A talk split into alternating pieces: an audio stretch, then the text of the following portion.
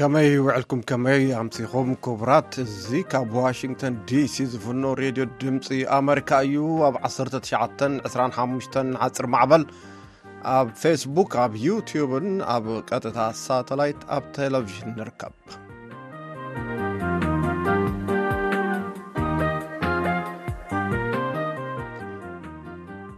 ሰላምታ ናብ ጻሕኹም ሎሚ 9 ለካቲት 224 ወይ ከዓ ባሕቲ ለካቲት 216 እዩ ዜና ክነቕድም ኢና ድሕሪኡ ብዛዕባ ፔፈር መንግስቲ ኣመሪካ ዝምብሎ ፕሮግራም ምንካይ ኤድስ እዩ ኣብ ኢትዮጵያ እንታይ ውፅኢት ኣምፅኡ ዝብል ሓደ ሪፖርት ክህልወና እዩ ኣብ ኣመሪካ ፕረዚደንት ንምዃን ሕገ መንግስቲ እዚ ሃገር እንታይ ይብል መን ይኽእል መን ኣይኽእል ናብ ዝብል ማለት እዩ ሓደ ሪፖርት ክነስምዐኩም ኢና ሓደ ጋዜጠኛ ኣሜሪካዊ እዩ ኣብ ሩስያ ከይዱ ንፕረዚደንት ቭላድሚር ፑቲን ቃለ ምልስ ክገብረሎም ምስ ተባህለ ብዙሕ ይውረ ኣሎ ብዛዕባ እውን ሪፖርት ክህልወና ዩ ክነስምዐኩም ኢና ናይ ሎሚ መደብና መደብ ቅሐ ፅልቢ እዩ ንስነ ጥበባዊ ኣታክልቲ ነጋ ካብ መቐለ ኣተኣናጊደሎ ምሳና ፅንሑ ዜና ክነቕድም ተወልደ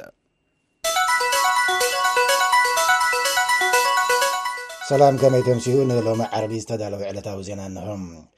ቀዳማይ ሚኒስትር ኢትዮጵያ ኣብዪ ኣሕመድ ንስምምዕ ተጻብኦታት ደቡብ ኣፍሪቃ ንምግምጋም ምስ መራሕቲ ህወሓትን ግዜያዊ ምሕዳር ክልል ትግራይን ኣብ ኣዲስ ኣበባ ይዛረብ ምህላዉ ካብ ቤት ጽሕፈት ቀዳማይ ሚኒስትር ዝወጸ መግለጺ ይሕብር። ኣብቲ ርክብ ንስምምዕ ፕሪቶርያ ዝፈረሙ ካብ መንግስትን ወከልቲ ህወሓትን ተረኺቦም ኣለው ብዘካቶም ፈረምቲ ወገናት ኣብዚ ኣብ ኣዲስ ኣበባ ዝካየድ ዘሎ ንምዕባለ እቲ ስምምዕ ብዕምቆት ዝግምግም ናይ ፈለማ ተበግሶ ዝተባሃለሉ ርክብ ኣቦ መንበር ህወሓት ዶክተር ደብረፅዮን ገብረ ሚካኤል እውን ይሳተፍ ኣሎ ፕረዚደንት ግዝያዊ ምምሕዳር ክልል ትግራይን ምክትላቱ ኣዘዚ ሰራዊትን ኣብ ዝተረኽብሉ ኣጋጣሚ ብወገን መንግስቲ ፌደራል እውን እቲ ርክብ ንሚኒስትር ምክልኻል ኢትዮጵያ ዶክተር ኣብርሃም በላይ ዝሓቖፈ እዩ መግለፂ ቤት ፅሕፈት ቀዳማይ ሚኒስትር እቲ ርክብ ንድሕሪ ኩናት ኣብ ዝግበር ዳግመ ህንፃን ትግባረ ስምምዕ ፕሪቶርያን ብዕምቆት ክግምግም ምዃኑ ይጥቀስ ኣሎ ካልእ ዝርዝር ናይቲ ርክብ ግን ዛጊት ኣይቀረበን ኣሜሪካ ኣብ ክልል ኣምሓራ ዝተፈጸመ ጭፍጨፋ ሲቪላት ይመርመር ክትብል ጸዊዓ ተሓለቕቲ መሰላት ከም ዝበልዎ ዝሓለፈ ሰሙን ኣብ መርዓዊ ዝተባህለ ቦታ ልዕሊ 80 ዝኾኑ ሰባት ተቐቲሎም ኣሉ ኣብ ኢትዮጵያ ኣምባሳደር ኣሜሪካ ኤርቪን ማሲንጋ ሎሚ ዓርቢ ኣብ ዘውፅኦ መግለፂ እቲ ሓበሬታ ንመንግስቲ ኣሜሪካ ብኸቢድ ዘተሓሳስብ እዩ፣ ብናጻ ወገን ተጻርዩ እቶም ገበርቱ ብቕልጡፍ ናብ ፍትሒ ክቐርቡ ኣለዎም ኢሉ። ኣብ ኣምሓራን ካልኦት ከባብታትን ዘሎ ግጭታት እውን ክዓርፍ ዝፀውዐ ኣምባሳደር ኣሜሪካ ነቲ ጭፍጨፋ መን ከም ዝፈፀሞ ብንፁር ኣይጠቐሰን።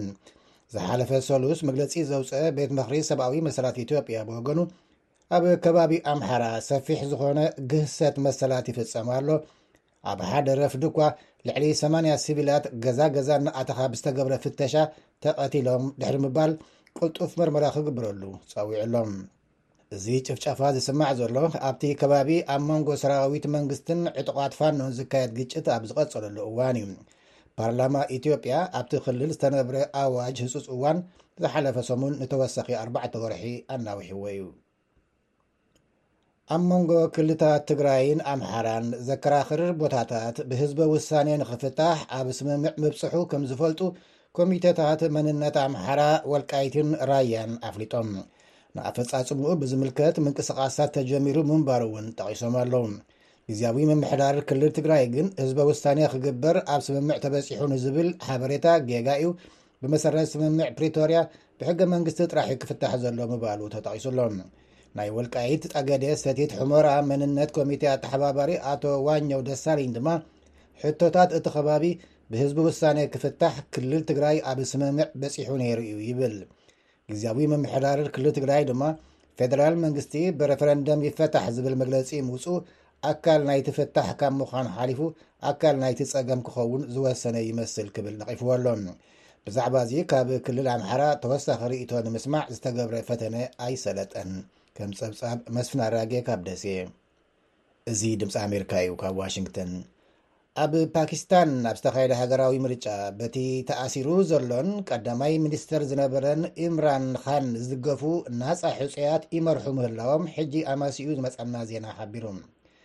ኮሚሽን ምርጫ እታ ሃገር ሕጂ ከም ዘፍለጦ ናይ ኢምራን ኻን ፓርቲ ዝኾነ ተሕሪቅ ኣልኢንሳፍ ዝድግፎም ሕፁያት 85 መናብር ክዕወቱ ክኢሎም ኣሎ። ካብ መንጎ ዘሎ ክልተ ሚእቲ መናብር ማለት እዩ።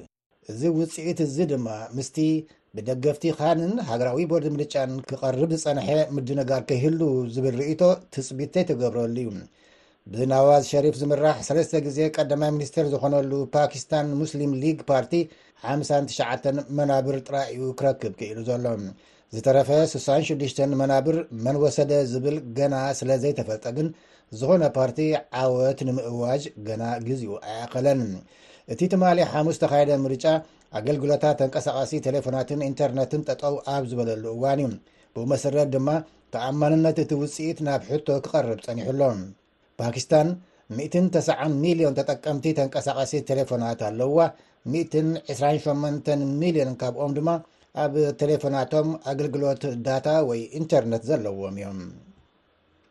ኣብ ሃይቲ ንሰለስተ ተኸታተልቲ መዓልትታት ዝተኻየደ ናይ ተቓውሞ ሰልፍታት ክሃድ ቀዳማይ ሚኒስትር እቲ ሃገር ጸዊዑ ፖሊስ ንሓሙሽተ ዕጡቓት ሓለውቲ ከባቢ ተፈጥሮ ድሕሪ ምቕታሎም ርእሰ ከተማ ፖርት ኣው ፕሪንስ ስምብራት ደምን ብሳዕ ጠያይትን ይረኣይ ኣሎ። ሎሚ ዓርቢ ገለ ኣብያተ ንግዲ ተኸፊተን ኣለዋ፣ እንተኾነ ባንክታትን መደበራት ነዳድን ምስተዓጽዋ እየን። እቶም ሀይታውያን ነቲ ናይ ሰለስተ መዓልትታት ሰልፊ ዝገበሩሉ ምኽንያት ቀዳማይ ሚኒስተር ኣርየል ሄንሪ ካብ ስልጣኑ ክወርድ ንምጽዋዕ እዩ። ንሱ ሎሚ ኣብ ዝገበሮ መደረ ህዝቢ ሃይቲ ሰላም፣ ጸጥታ፣ ስራሕን ብናጻ ምንቅስቓስን ይደሊ ዘሎ ኢሉ። እቲ ናይ ተቓውሞ ሰልፍታት ንዕለታዊ ህይወት እታ ሃገር ኣሰንኪልዎ ምህላው እዩ ዝግለጽ ዘሎ። እታ ሃገር ብሕቡራት ሃገራት ዝተመወሉ ፖሊስ ኬንያ ክመጽዎ እያ ትጽበ ዘላ። ነዚ ድማ ቤት ፍርዲ ኬንያ ጠጠው ኣቢልዎ ኣሎ። ቀዳማይ ሚኒስትር ሃይቲ ግን እቶም ወተሃደራት ክመጹና ምስ ኬንያ ቀጻሊ ዝርርብ ነካይድ ኣለና፣ ክመጹና ድማ ተስፋ ንገብር ይብል። ኣብ መወዳእታ ፕሬዚደንት ኣሜሪካ ነበር ዶናልድ ትራምፕ ኣብቲ ክፍለ ግዝኣት ኔቫዳ ትማሊ ሓሙስ ዘዳለወቶ ናይ ሪፓብሊካውያን ፕሬዚደንታዊ ከውከስ ተዓዊቱ ትራምፕ እንኮ ሕፁይ ኮይኑ ዝተዓወተሉ ምርጫ ኔቫዳ ኣብ ዝጀመረ ጉዕዞ ሕፁይ ሪፓብሊካውያን ንምዃን እዚ ሳልሳይ ተኸታታሊ ዓወት እዩ ኣምባሳደር ኣሜሪካ ኣብ ሕቡራት ሃገራት ዝነበረት ብሕታዊት ተወዳዳሪት ትራምፕ ኒኪ ሃሊ እቲ ኮከስ ተባሂሉ ዝፅዋዕ ብሓባር ብኣኼባ ዝግበር ኣገባብ ምርጫ ኔቫዳ ንትራምፕ ዝጥዕም ኣገባብ እዩ ብምባል ኣብቲ ምርጫ ኣይተሳተፈትን ብመሰረት እዚ ኩሎም 26 ተወከልቲ ነቫዳ ወይ መብዛሕትኦም ንትራምፕ ድምፆም ሂቦም ኣሎም ሓደ ሕፁይ ሪፓብሊካውያን ኣብ መፃረይ ምርጫ ሓደ ሽሕን ክልተ ሚእትን ዓሰርተ ሓሙሽተን ተወከልቲ ከዋህልል ኣለዎ ብመሰረት ሕጊ ኣሜሪካ። ሓፈሻዊ ዜና ድማ በዚ ይፍጽም።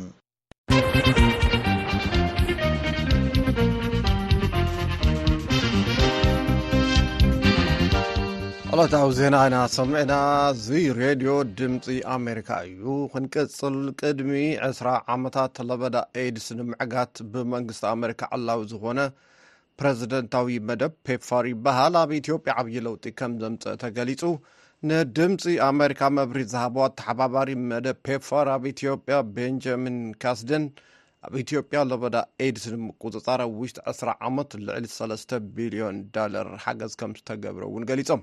ገብረ ሚካኤል ገብረ መድን እቲ ቅድሚ ዕስራ ዓመት ለበዳ ኤድስ ንምዕጋት ብመንግስቲ ኣሜሪካ ዕላዊ ዝኾነ ፕረዚዳንታዊ ህጹጽ መደብ ወይ ድማ ፔፕፋር ብዓለም ለኸ ትካል ተራድኦ ኣሜሪካ ዩኤስኤይድን ብማእኸል ምቁጽጻር ሕማማት ኣሜሪካ ወይ ድማ ሲዲሲን ኣቢሉ ኣብ ኢትዮጵያ ከም ዝተተግበረ ንድምጺ ኣሜሪካ ዝገለጹ ናይቲ መደብ ኣተሓባባሪ ቤንጃሚን ካስዳን ክሳብ ሕዚ ዘዕግብ ለውጢ ኣመዝጊበ ኣሎ ኢሎም። Over the last twenty years in Ethiopia, PEPFAR has invested over three billion dollars in the PEPFAR program here. ኣብቶም ዝሓለፉ ዒስራ ዓመታት መደብ ፔፕፋር ኣብ ኢትዮጵያ ዝርግሐ ኤች ኣይቪ ኤድስ ንምቁፅፃር ልዕሊ ሰለስተ ቢልዮን ዶላር ወፃኢ ተገይሩ እዩ። ብኣቆፃፅራ ኣውሮፓውያን ካብ ክልተ ሽሕን ዓሰርተን ጀሚሩ ኣብ ኢትዮጵያ ለበዳ ኤች ኣይቪ ኤድስ ብሰብዓን ሰለስተን ሚእታዊ ነክዩ እዩ። ብሰንኪ ኤድስ ዝመፅእ ሞት ድማ ብሓምሳ ሚእታዊ ምንካዩ ተረዲእና ኣለና። ብዘይካዚ መደብ ፔፕፋር ንልዕሊ ኣርባዕተ ሚእትን ሰብዓን ሓሙሽተን ሽሕ ሰባት መድሓኒት ጸረ ኤችኣይቪ ኤድስ ክባጻሕ ብምግባር ካብ ሞት ኣድሒንዎም እዩ። ቤንጃሚን ካስዳን ብምውሳኽ ኣብቲ ዝሓለፈ ዓመት ኣብ ኢትዮጵያ ልዕሊ ክልተ ነጥቢ ሓሙሽተ ሚልየን ሰባት ናይ ኤችኣይቪ ኤድስ ምርመራን ምኽርን ምርካቦም ገሊጾም። ናብ ኣርባዕተ ሚእቲ ሽሕ ዝኾኑ ዘኽታማትን ንጸገም ዝተቓልዑ ህጻናትን እውን በቲ መደብ ከም ዝተሓገዙ ቤንጃሚን ካስዳን ሓቢሮም። መደብ ፔፕፋር ብዝገበሮ ሓገዝ ሓፈሻዊ ቁጠባ ኢትዮጵያ ክውስኽ ገይሩ እዩ ዝበሉ እቶም ኣተሓባባሪ፣ እንተኾነ ፈተናታት እውን ከም ዝገጠምዎ ኣረዲኦም። in Ethiopia the conflict is is having negative impact on our ability to carry out our work። እቲ ካብ ቀረባ ግዜ ጀሚሩ ኣብ ኢትዮጵያ ዝረኣ ዘሎ ግጭት ኣብ ስራሕትና ጽልዋ ኣሕዲሩ እዩ። ብሰንኪ እቲ ግጭት ሰባት ኣገልግሎት ምኽርን ሕክምናን ክረኽቡ ኣይከኣሉን። እቲ ሕማም ናይ ምክልኻል ስራሕቲ ቀረባ ፋውስን ምርመራን በቲ ግጭት ተሰናኺሎም እዮም። እቲ ካሊእ ዘጋጠመ ጸገም ምስ ኩነታት ኢኮኖሚ እታ ሃገር ዝተሓሓዝ እዩ። ኣብ ዕዳጋ ዘሎ ዝቕባበ ዋጋ እናነሃረ ብምምጽኡ ኣብ ልዕሊ ምንቅስቓስ ተሓባብርትና ዝኾና ትካላት ጸገም ፈጢሩ እዩ። እቲ ኣብ ሓምሳን ኣርባዕተን ሃገራት ኣፍሪቃ፣ ኤስያን ላቲን ኣሜሪካን ዝተተግበረ መደብ ፔፕፋር፣ ኣብ ውሽጢ ዕስራ ዓመታት ህይወት ዕስራን ሓሙሽተን ሚልዮን ሰባት ከምዘድሓነ ዝገለጹ ቤንጃሚን ካስዳን፣ ልዕሊ ሓሙሽተ ሚልዮን ህጻናት ድማ ካብ ኤድስ ቫይረስ ነጻ ኮይኖም ክውለዱ ሓጊዙ እዩ ኢሎም። መደብ ፔፕፋር ኣብ ኢትዮጵያ ንዘመዝገቦ ለውጢ ኣመልኪትና ካብ ሚኒስቴር ጥዕና እታ ሃገር ርእይቶ ንምርካብ ዝገበርናዮ ጻዕሪ ንሎሚ ኣይሰመረን። ንድምፂ ኣሜሪካ ገብረ ሚካኤል ገብረ መድህን ኣዲስ ኣበባ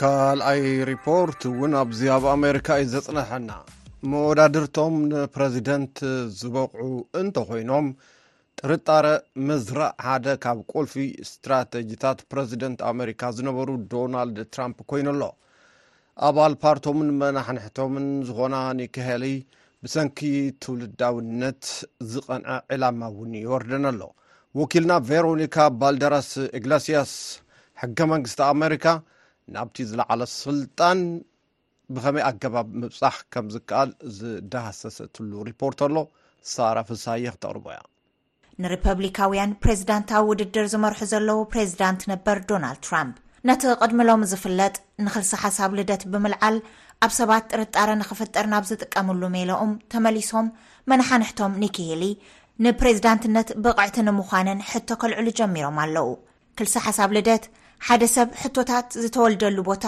ወይ እውን ጌጋ ትርጓመ ሕጊ ብምጥቃም ንብቑዕነት ሕፁያት ኣብ ጥርጣረ ይእቱ ኣብ ዝሓለፈ ወርሒ ጥሪ ትራምፕ ኣብ ዝጠቅዕዎ ሓደ ጽሑፍ፣ መነሓንሕቶም ሄሊ ክውለዳ ከለዋ ህንዳዊ መበቆል ዘለዎም ስድርኣን ዜግነት ኣሜሪካ ኣይነበሮምን ብምባል ንፕሬዝዳንትነት ብቕዕቲ ኣይኮነትን ዝብል ካብ ሓቂ ዝረሓቐ ጽሒፎም። ይኹን እምበር ሄሊ ኣብ ሳውዝ ካሮላይና እየን ተወሊደን። ሕገ መንግስቲ ኣሜሪካ ድማ መን ነዚ ዝለዓለ ስልጣን ክሕዝ ከም ዝኽእል ብንጹር ምቕማጡ ሰብሞያ ይዛረቡ። ኣለን ሊክትማን ኣብ ዩኒቨርሲቲ ኣሜሪካ ፕሮፌሰር ታሪኽ እዮም።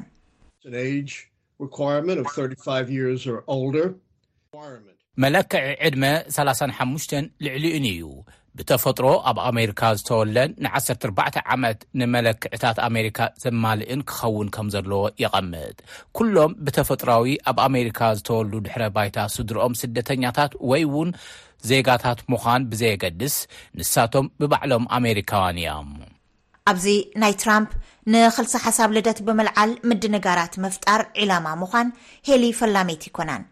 ቅድም ክብል እውን ዴሞክራሲያዊ ፕሬዚዳንት ዝነበሩ ባራክ ኦባማ፣ ኣብ ፕሬዚዳንታዊ ምርጫ ክልተ ሽሕን ዓሰርተ ሽዱሽተን ሕፁይ ሪፐብሊካን ዝነበሩ ቴድ ክሩዝን ማርኮ ሩቤን እውን ግዳያት ነይሮም እዮም። እቲ ጠቐነ ጌጋ ምንባሩ ከብርሁ ድማ ተገዲዶም እዮም። ፕሬዚዳንት ባራክ ኦባማ ከም ዝበልዎ፣ ብዛዕባ ትውልዲ ቦታይ ርግጸኛ እየ ነይረ፣ መብዛሕትኡ ሰብ እውን ከምኡ ዝነበረ ይመስለኒ ኢሎም። ይኹን እምበር፣ እቶም ኣብ ኣሜሪካ ዝተወልዱ ጥራይ እዮም ፕሬዚዳንት ንምዃን ብቑዓት ወይ እውን ሕጋዊ ፍቓድ ዘለዎም ዝበሃለሉ ናይ ባዕሉ ምኽንያት ኣለዎ ይብሉ ኣብ ዩኒቨርሲቲ ሺካጎ ፕሮፌሰር ፖለቲካል ሳይንስ ማርክ ሓሰን። There will never be any thought እቲ ፕሬዚዳንት ካብ ኣሜሪካ ንላዕሊ ንኻልእ ሃገር ተኣማኒ ክኸውን ይኽእል እዩ ወይ እውን ካብ ረብሓ ኣሜሪካ ንላዕሊ ከቐድሞ ዝኽእል ዝኾነ ጉዳይ ፈፂሙ ክህሉ ኣይኽእልን ተባሂሉ ስለዝእመን እዩ። እዚ መለክዒ እዚ ኣብ ሓፂር እዋን ዘይቕየር መትከል እዩ ይብሉ ሊክትማን።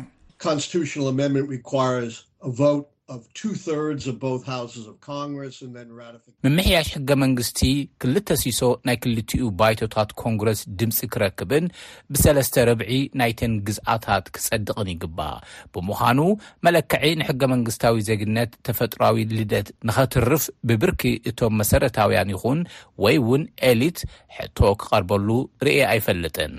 ዝኾነ ብተፈጥሮ ዝተወልደ ዜጋ ንፕሬዚዳንትነት ኣብ ዝወዳደረሉ እዋን ንክልሲ ሓሳብ ትውልዲ መሰረት ገይሮም ዝመፁ ፈተናታት ወረቐት ምስክር ልደት ብምርኣይን መብዛሕትኡ ግዘ ድማ ከምዚኦም ዝበሉ ጠቐነታት ልደት ዝመፁ ኣብ ገለ ዓሌት ወፃእተኛታት ዘሎ ፅልኢት ዝመበገሲ እዩ ንሱ ድማ ኣብ ፖለቲካ ኣሜሪካ ቦታ ዘይብሉ ምዃኑን ብምቅላዕ ክፈሽለሉ ዝኽእል ኣማራፅታት ኣለዉ እዮም ይብሉ ኣብ ዩኒቨርሲቲ ሃዋርድ ፕሮፌሰር ፖለቲካል ሳይንስ ሪቪ ፔሪ ሕጽይቲ ሪፐብሊካን ኒኪ ሄሊ ፕሬዚዳንት ኣሜሪካ ንምዃን ረቋሕ ኣማሊኤን እየን። ነቲ ኣብ ልዕሊኤን ዝተላዕለ ጠቐነ ክልሰ ሓሳብ ልደት እውን ኣበርዒነንኦ እየን። ትራምፕ ግን ነቲ ኒማራታ ዝብል ህንዳዊ ቀዳማይ መጸውዒ ስመን እናልዓሉ ክላገጹ ይስማዕ። ነዚ መልሲ ኣብ ዝሃባሉ እዋን ኣብኡ ኮፍ ኢለ ነቲ ውልቃዊ ጉዳይ ድዩ ወይስ ታይ ንምባል ከምዝደለየ ግልጺ ዘይኮነ ነገር ክጭነቐሉ ኣይደልን ኢለን። ይኹን እምበር ተንተንቲ ግን ፖለቲካዊ ምፍሕፋሓት እናሓየለ ክኸይድ ከሎ መረፅቲ ንክልሲ ሓሳብ ልደት ይኹን ካልእ ምስ ፕሬዚዳንታዊ ምርጫ ዝተተሓሓዘ ግጉይ ሓበሬታ ነቶም ሓቅታት ኣብ ሕገ መንግስቲ ብምድራኽ ምብራህን ንእግረ መንገዶም ዝለዓሉ መካትዒ ኣባህላታትን ሓቅታትን ብምምርማር መነፃር ኣብ ወርሒ ሕዳር ድምፆም ክህቡ ከለው ንፁር ዝኾነ ሓበሬታ ሃልይዎም ክመርፁ ይሕግዞም ክብሉ የተባብዑ።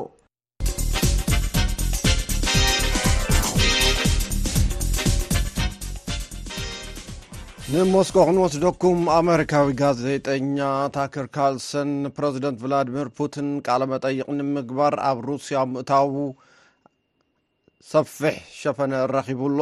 ገሊኦም ከም ናይ ሚድያ ዓበድበድ እዩ ክብሉ ከለዉ ካልኦት ድማ መንግስቲ ሩስያ ንናይ ወፃእን ውሽጥን ጋዜጠኛታት ብኸመይ ኣገባብ ከም ዝሕዞም ብግልፂ ዘርኢ እዩ ይብሉ ወኪልና ኤሊዛቤት ቸርኖፍ ዘዳለወቶ ሪፖርት ኣሎ ገብረ ገብረ መድን ኣብ ሩስያ ኣሜሪካዊ ኣቕራቢ ተለቪዥን ታከር ካርልሰን ናብ ሞስኮ ምምጽኡ ዝምልከት ዜና ንፕሬዚዳንታዊ ወፍሪ ሩስያ ሓዊሱ ልዕሊ ካልኦት ዜናታት ቀዳምነት ረኺቡ ኣሎ። ኣብ ሞስኮ ንዝርከቡ ጋዜጠኛታት እዚ ኩነታት ዘይእመን ዝመስል እዩ። ክረምሊን ምስ ምንቅስቓሳት ህዝበኛታት ወፃኢ ዘለዋ ርክብ ዝከታተል ኣብ ሞስኮ ታይምስ ዝሰርሕ ፒዮትር ኮስሎቭ ከምዚ ይብል። ኣብዚ ካብ ዝኣቱ ጀሚሩ መዓልታዊ ብዝበሃል ታክር ካርልሰን ኣብ ጎደናታት እንታይ ይዓዪ ኣሎ ዝብል ኣስታት ዓሰርተታት ዜናታት ትሰምዕ። ካርልሰን ሃምበርገር ክበልዕ ከይዱ ዝብል ከይተረፈ እዩ ሰማዕቲ ከም ዜና ዝዝረቦም። ገሊኦም ተንተንቲ፣ ውዕዉዕ ሸፈነ ምብጻሕ ካርልሰን ልዕሊ ሸፈነ ሩስያ ኣብ ዩክረይን ተካይዶ ዘላ ኲናት ከም ዝርእይዎ ብምንጻር ይገልጽዎ። ጋዜጠኛን ፖለቲካዊ ተንታንን ኣንቶን ኦረክ፣ ፑቲንን ሚድያታት ፕሮፖጋንዳን ሩስያ ናይ ባዕላ መገዲ ኣለዋ፣ ንሱ ድማ ሉዓላውነትና እናበሉ ብተደጋጋሚ ይነግሩና። ናብ ምዕራብ ከነቋምት የብልናን ብዛዕባና እንታይ ይሓስቡ ብዘየግድስ ንሕና ምስ ምዕራብ ኣብ ኲናት ኢና ዘለና። ምስ ፑቲን ዝገበሮ ቃለ መሕትት ከፋልጥ ከሎ ካርልሰን ኣብ ዝሓለፈ ክልተ ዓመት ዝኾነ ይኹን መራኸቢ ብዙሃን ወጻኢ ከምኡ ክገብር ከምዘይደሊ ይገልጽ። ወሃብ ቃል ፕሬዚዳንት ሩስያ ግን ነዚ ይነጽጎ። ስራሕ መራኸቢ ብዙሃን ወጻኢ ኣዝዩ ዝተሓላለኸ ምዃኑ ተዓዘብቲ ይገልጹ። ከም ኣንቶን ኦረክ ዝኣመሰሉ ጋዜጠኛታት ከምኡ ዝበለ ርእይቶ እዩ ዘለዎም። ንሰበስልጣን ሩስያ ንመራኸቢ ብዙሃን ወጻኢ ምዝራብ ሓደገኛ እዩ። ነዚ እውን እዩ ቃለ ምልልስ ዝህብ። ብቐሊሉ ሓበሬታ ንምርካብ ቅድሚ ሎሚ ካብ ዝነበረ ኣዝዩ ከቢድ ዝኸውን ዘሎ። መራኸቢ ብዙሃን ሞስኮ ነቲ ናይ ካርልሰን ምብጻሕ ብውዕዉዕ ይሽፍንኦ ኣብ ዘለዋሉ፣ ክልተ ኣሜሪካውያን ጋዜጠኛታት ኣብ ሩስያ ተኣሲሮም ይርከቡ። ጋዜጠኛ ዎል ስትሪት ጆርናል ኢቫን ገርሽኮቪክ ብክስታት ስለያ፣ ሓፍታ ንቪኦኤ ኣብ ዝኾነት ሬድዮ ፍሪ ዩሮፕ ወይም ሬድዮ ሊበርቲ ንዝተብሃለት ማዕኸን ዜና እትሰርሕ ጋዜጠኛ ኣልሱ ክርማሽቫ ድማ ከም ናይ ወፃኢ ወኪል ብዘይምምዝጋብን ናይ ሓሶት ሓበሬታ ብምዝርጋሕን ተኸሲሳ ትርከብ።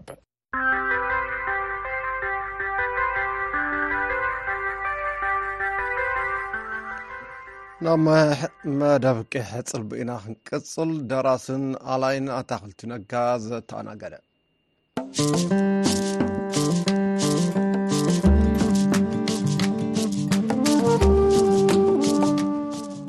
ካብቶም ናይ ፈለማ ምርቋት ትያትራዊ ኣርት ዩኒቨርሲቲ መቐለ ሓደ ዝኾነ ኣታክልቲ ነጋ ኣብ ዝተፈላለዩ ዓውድታት ስደ ጥበብ ንነዊሕ ዋን ነጢፉ እዩ ድርሰት ዝተፈላለያ ፍልምታት ዘዳለወ ሰፊሕ ተሰማዕነት ዘለዎም ናይ ረድዮ ድራማታት ዘቕረበ ኣታክልቲ ኣብ ቀረባ ኣዋን ድማ ሓደ መፅሓፍ ኣሐቲሙ ኣሎ ወኪልና ዓለም ፍሳ ነዚ በዓል ብዙሕ ተውህቦ ዝኾነ ስነ ጥበበኛ ኣዕሊልዎ ኣሎ ናብኡ ከስክረኩም ስነ ጥበባዊ ኣታክልቲ ነጋ ብሓደ 992 ዓ ም ኣብ ኮሌጅ ክነ ጥበባት ትግራይ ብትያተር ካልኣት ካብ ተመረቑ ፈለምቲ ሓደ ኢኻ ምስ ስነ ጥበብ ድሕሪ ምረቓ ድዩ ዝምድናኻ ወይስ ቅድሚ ምረቓ? መልዓሊኻ እንታይ ነይሩ? መርኣያ ዝኾነካ ሰብ ይህሉ'ዶ? ቅድሚ ትያትር ምምራቐይ እዩ ጀሚሩ ማለት እዩ። በቃ ናይ ህንዲ ፊልም እዩ እምበር ካሊእ ታይስሚ የለን ኣብ ቁልዕነት ዝነበረ ምልዓል እዩ ናብዚ ለካ እቲ ጌርኒ ማለት እዩ። ናብቲ ጥበብ ክትኣቱ ከለኻ እቲ ናይ መጀመርያ ስርሒት ትብሎ ዋላ እቲ ደቐቐ ይኹን ኣብ ቤት ትምህርቲ ክኸውን ይኽእል መዓዝ ነይሩ እንታይ ከ ነይሩ? እወ ናይ ትምህርቲ ቤት ምናልባት ቴስዓይ ማን ሰማንያይ ሰለስተ ወይ ሰማንያ ኣርባዕተ ይኾን ካሕሳይ ልብል ነይሩ ካሕሳይ ልብል ናይ መድረኽ ትያትር ነይሩ እሱ ይመስለኒ ናይ መጀመርያ ተኣይስሙ ብጣዕሚ ብዙሕ ሰብ ይፈትዮ ነይሩ ኣፄ ዮሃንስ መድረኽ ማለት እዩ ፀሓፊ ነይረ ዳይሬክተር ነይረ ደራሲ ነይረ ኣብ ኩሉ ተሳቲፈ ነይረ ናይ መድረኽይ ብጣዕሚ ጽቡቅ እዩ። ድሕሪ ምረቓ ውን ናብ ዓበይቲ ስራሕቲ ከም ዝኣተኻ ይፈልጥ እየ ሓበሬታ ኣለኒ። ናይ መጀመርያ ናይ ፊልም ስራሕኻ እንታይ ዝብል ኣርእስቲ ነይሩ? እንታይ ዝብል ትሕዝቶ ነይሩ? ብፊልሚ ደረጃ ማለት እዩ ያው ማሾ እዩ ክኾን ዝኽእል ብፊልሚ ደረጃ ማለት እዩ ማሾ እዩ። ቅድሚኡ ግን ተኸታታሊ ቴሌቭዥን ድራማ ሓጸርቲ ቴሌቭዥን ድራማታት ነይሮም። ግን ብፊልሚ ደረጃ ግን ማሾ እዩ ማሾ ናይ መጀመርያ ክብል ይኽእል ማሾ እንታይ ትሕዝቱ ነይሩ ኣብኡ ዝነበረ ታራ ናትካ እንታይ እዩ እወ ማሾ ብዛዕባ ብጣዕሚ ንምስሓዙ ግደፍ ማለት ከቢ ዝኾነ ሓሳብ እዩ ብዛዕባ ቡዳ ማለት እዩ ብዛዕባ ቡዳ ዝምልከት እዩ ናይ ሽዑ ግዜ መጽሓፍ ስለ ዝተጻሕፈ መረዳእታ ክትረክብ ኣይትኽእልን። ስለዚ ብዛዕባ ቡዳ ዝብል ነገር ኢና ሒዝና ግን ኣሎ ክትብል ኣጸጋሚ የለን እውን ክትብል ኣጸጋሚ ኣብ ዝኾነሉ ግዜ ኢና ብዛዕባ ቡዳ ጽሒፈ ማለት እዩ። ቡዳ ናይ ኣብዚ ልምዲ ዝተመስረተ ፊልም እዩ ነይሩ ሽዑ ግዜ። ግርምታኝ እርትራኻው ኣብኡ ሓደ ደፍትራ ኣለው ጥዑይ ዘይኮኑ ደፍትራ ማለት እዩ ጥዑይ ዘይኮኑ ወይ ደሞ ጽቡቕ ኣለው ዝኾነ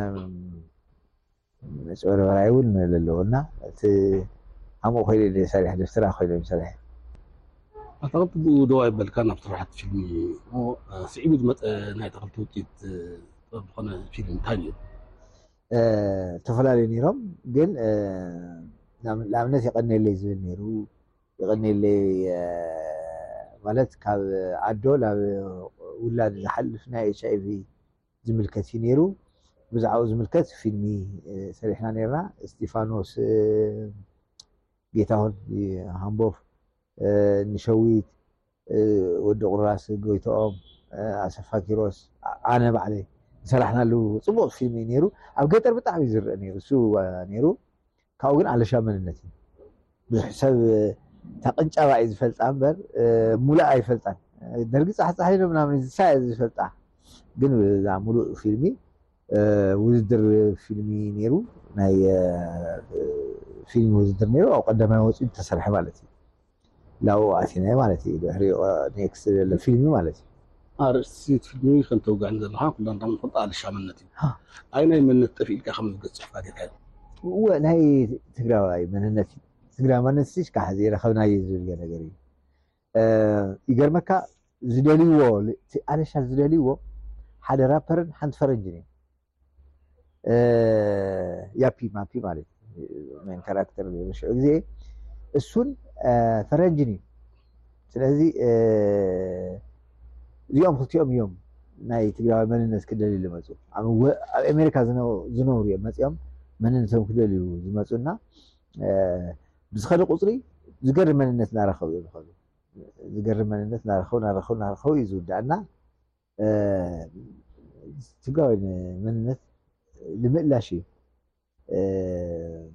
ዝተፈላለየ ሚድያ እውን ሕዚ ይግለፅ ኣሎ ከምዚ ኢና ነርና እናተባሃለ እንደውም ካብ ፊልሚ ኮት እናተገበረት ትረአ ኣላ ሕዚ እና መንነትና ንምርኣይ እዩ ካብቲ ፊልም ከይወፃእና ያው ምስኡ ብዙሕ ምርሕሓቕ ዘይብሉ ናይ ቴሌቭዥን ድራማ እናተባህለ ዝፍለጥ እውን ኣብ ቴሌቭዥን ትግርኛ ናይ መጀመርያ ድዩ ይኸውን ድራማ ናትካ ናይ ቴሌቭዥን ስራሕ መዓዝ እዩ ዝረ ዓመተ ምሕረቱ እንታይ እዩ ነርቱ ንሱ ትሕዝቱን ብታሕቲ ባለባዮ ኩሉ ይፈልጦ እዩ ያው ጌፀን ብርሆን ብዝብሉ ገፀ ባህርያት እውን ይፍለጥ ቴስዓን ክልተን ዓመተ ምህረት ከባቢ ተሰሪሑ ካብኡ ተስዓይ ኣርባዕተ እውን ተደጊሙ ተስዓይ ሸውዓተ ድዩ እውን ንሳልሳይ ግዜ ተሪኡ ክልተ ሽሕ ኣርባዕተ እውን ራብዓይ ግዜ ተሪኡ ክልተ ሽሕ ዓሰርተ ድዩ ዓሰርተ ሓደ ዓሰርተ ሰለስተን እውን ሕዚ ተደጊሙ ነይሩ ነዊሕ ተኸታታሊ ቴሌቭዥን ድራማ እዩ ነይሩ ሽዑ ግዜ ብዙሕ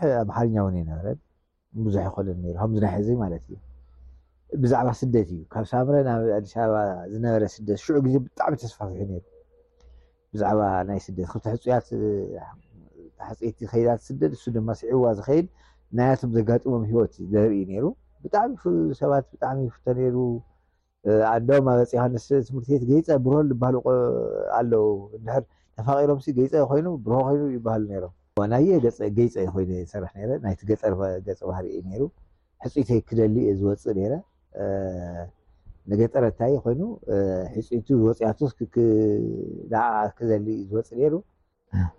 ምንም ነዊሕ ዓመት ምስ ምግባር ካብቲ ናይ ጥበብ ስራሕቲ ብፍላይ ከዓ ኣብቶም ናብ ዘመናዊ ነስዒ ዘሉ ናይ ፊልም ስራሕቲ ኣብ ትግራይ ምስቲ ምጅማር ናትካ ትሒዝካ ዛጊድ ኣብ ዘለዉ እትሪኦም ፊልምታት እንታይ እዩ ገምጋምካ ንዓበይኑ እንኸዶ ኣሎ ወይስ ንድሕሪት ድዩ ወይስ ደውታ ይፈጥር ዘሎ ማለት ደውታ ዳፈጠረ ዝኸይድ እዩ እቲ ከይዲ እቲ ፍሰትሲ ደው ተናፈጠረ እዩ ምክንያቱ ሲሰብ የለ ስርዓት ስለለየለ ዝኾነ ስራሕ ትስራሕ ሞ ደው ትብል ዝኾነ ስራሕ ትስራሕ ሞ ደው ትብል እንደገና ዝኾነ ብተሰራሕቲ ቁፅሪ እዩ ናይ ትግርኛ ፊልም ዝለዓል ሓንቲ ፊልም ብዘሰራሕቲ ቁፅሪ እምበር ተኸታታሊ የብሉን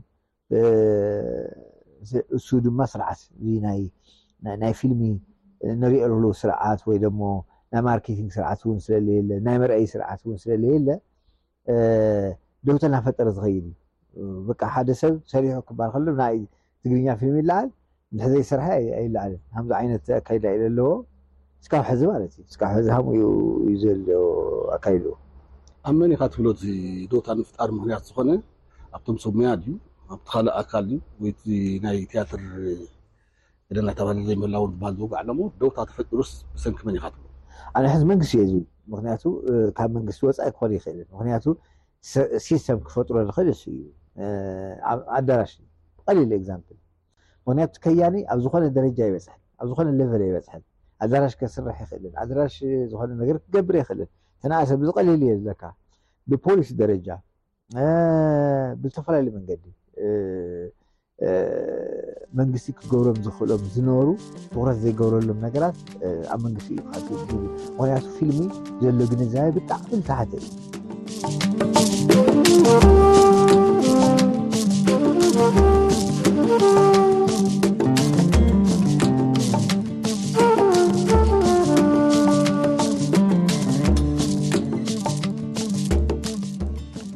መደብ ቅሐ ፅልሚ ኢኹም ተኸታትልኩም ኣለም ጋሻኻ ኣታክልቲ ብዙሕ ነመስግነኩም ንውሕ ዝበለ እዩ ተቓለ ምልልስ ኣብ ማሕበራዊ ገፃትና ክትረኸቦ ትኽሉ ኢኹም ሙሉእ መደብ ካልእ መዘኻኸር እውን ኣለና ፅባሕን ድሕሪ ፅባሕን ቀዳምን ሰንበትን ምዃኑ እዩ ፍሉይ መደብ ዝቐርበሉ መደብ ግዜ ምዃኑ ትፈልጡ ኢኹም ጽባሕን ድሕር ጽባሕን ንህልዊ ማሕበራዊ ቁጠባውን ፖለቲካውን ኩነታት ኤርትራ ዝግምግም ዘተወይ ክትዕ ክቐርበልኩም እዩ ኤርትራ ምስ ጎረባብቲ ሃገራት ዘለዋ ዝምድና ንሰራዊት ሱዳን ትልግሶ ኣላ ዝበሃል ወተሃደራዊ ስልጠናን ኣመታቱን ከምኡ እውን ጸጥታ እቲ ዞባ ብመንፅር ዓበይቲ ዞባውያንን ዓለም ለኻውያን ሓይልታትን ዝጠመተ ክኸውን እዩ ጽባሕን ድሕሪ ጽባሕን ቆጸራኹም ምሳና ይኹን ስለ ዝተኸታተልኩምና ክብረት ሓበልዳ ተሓንቀዲ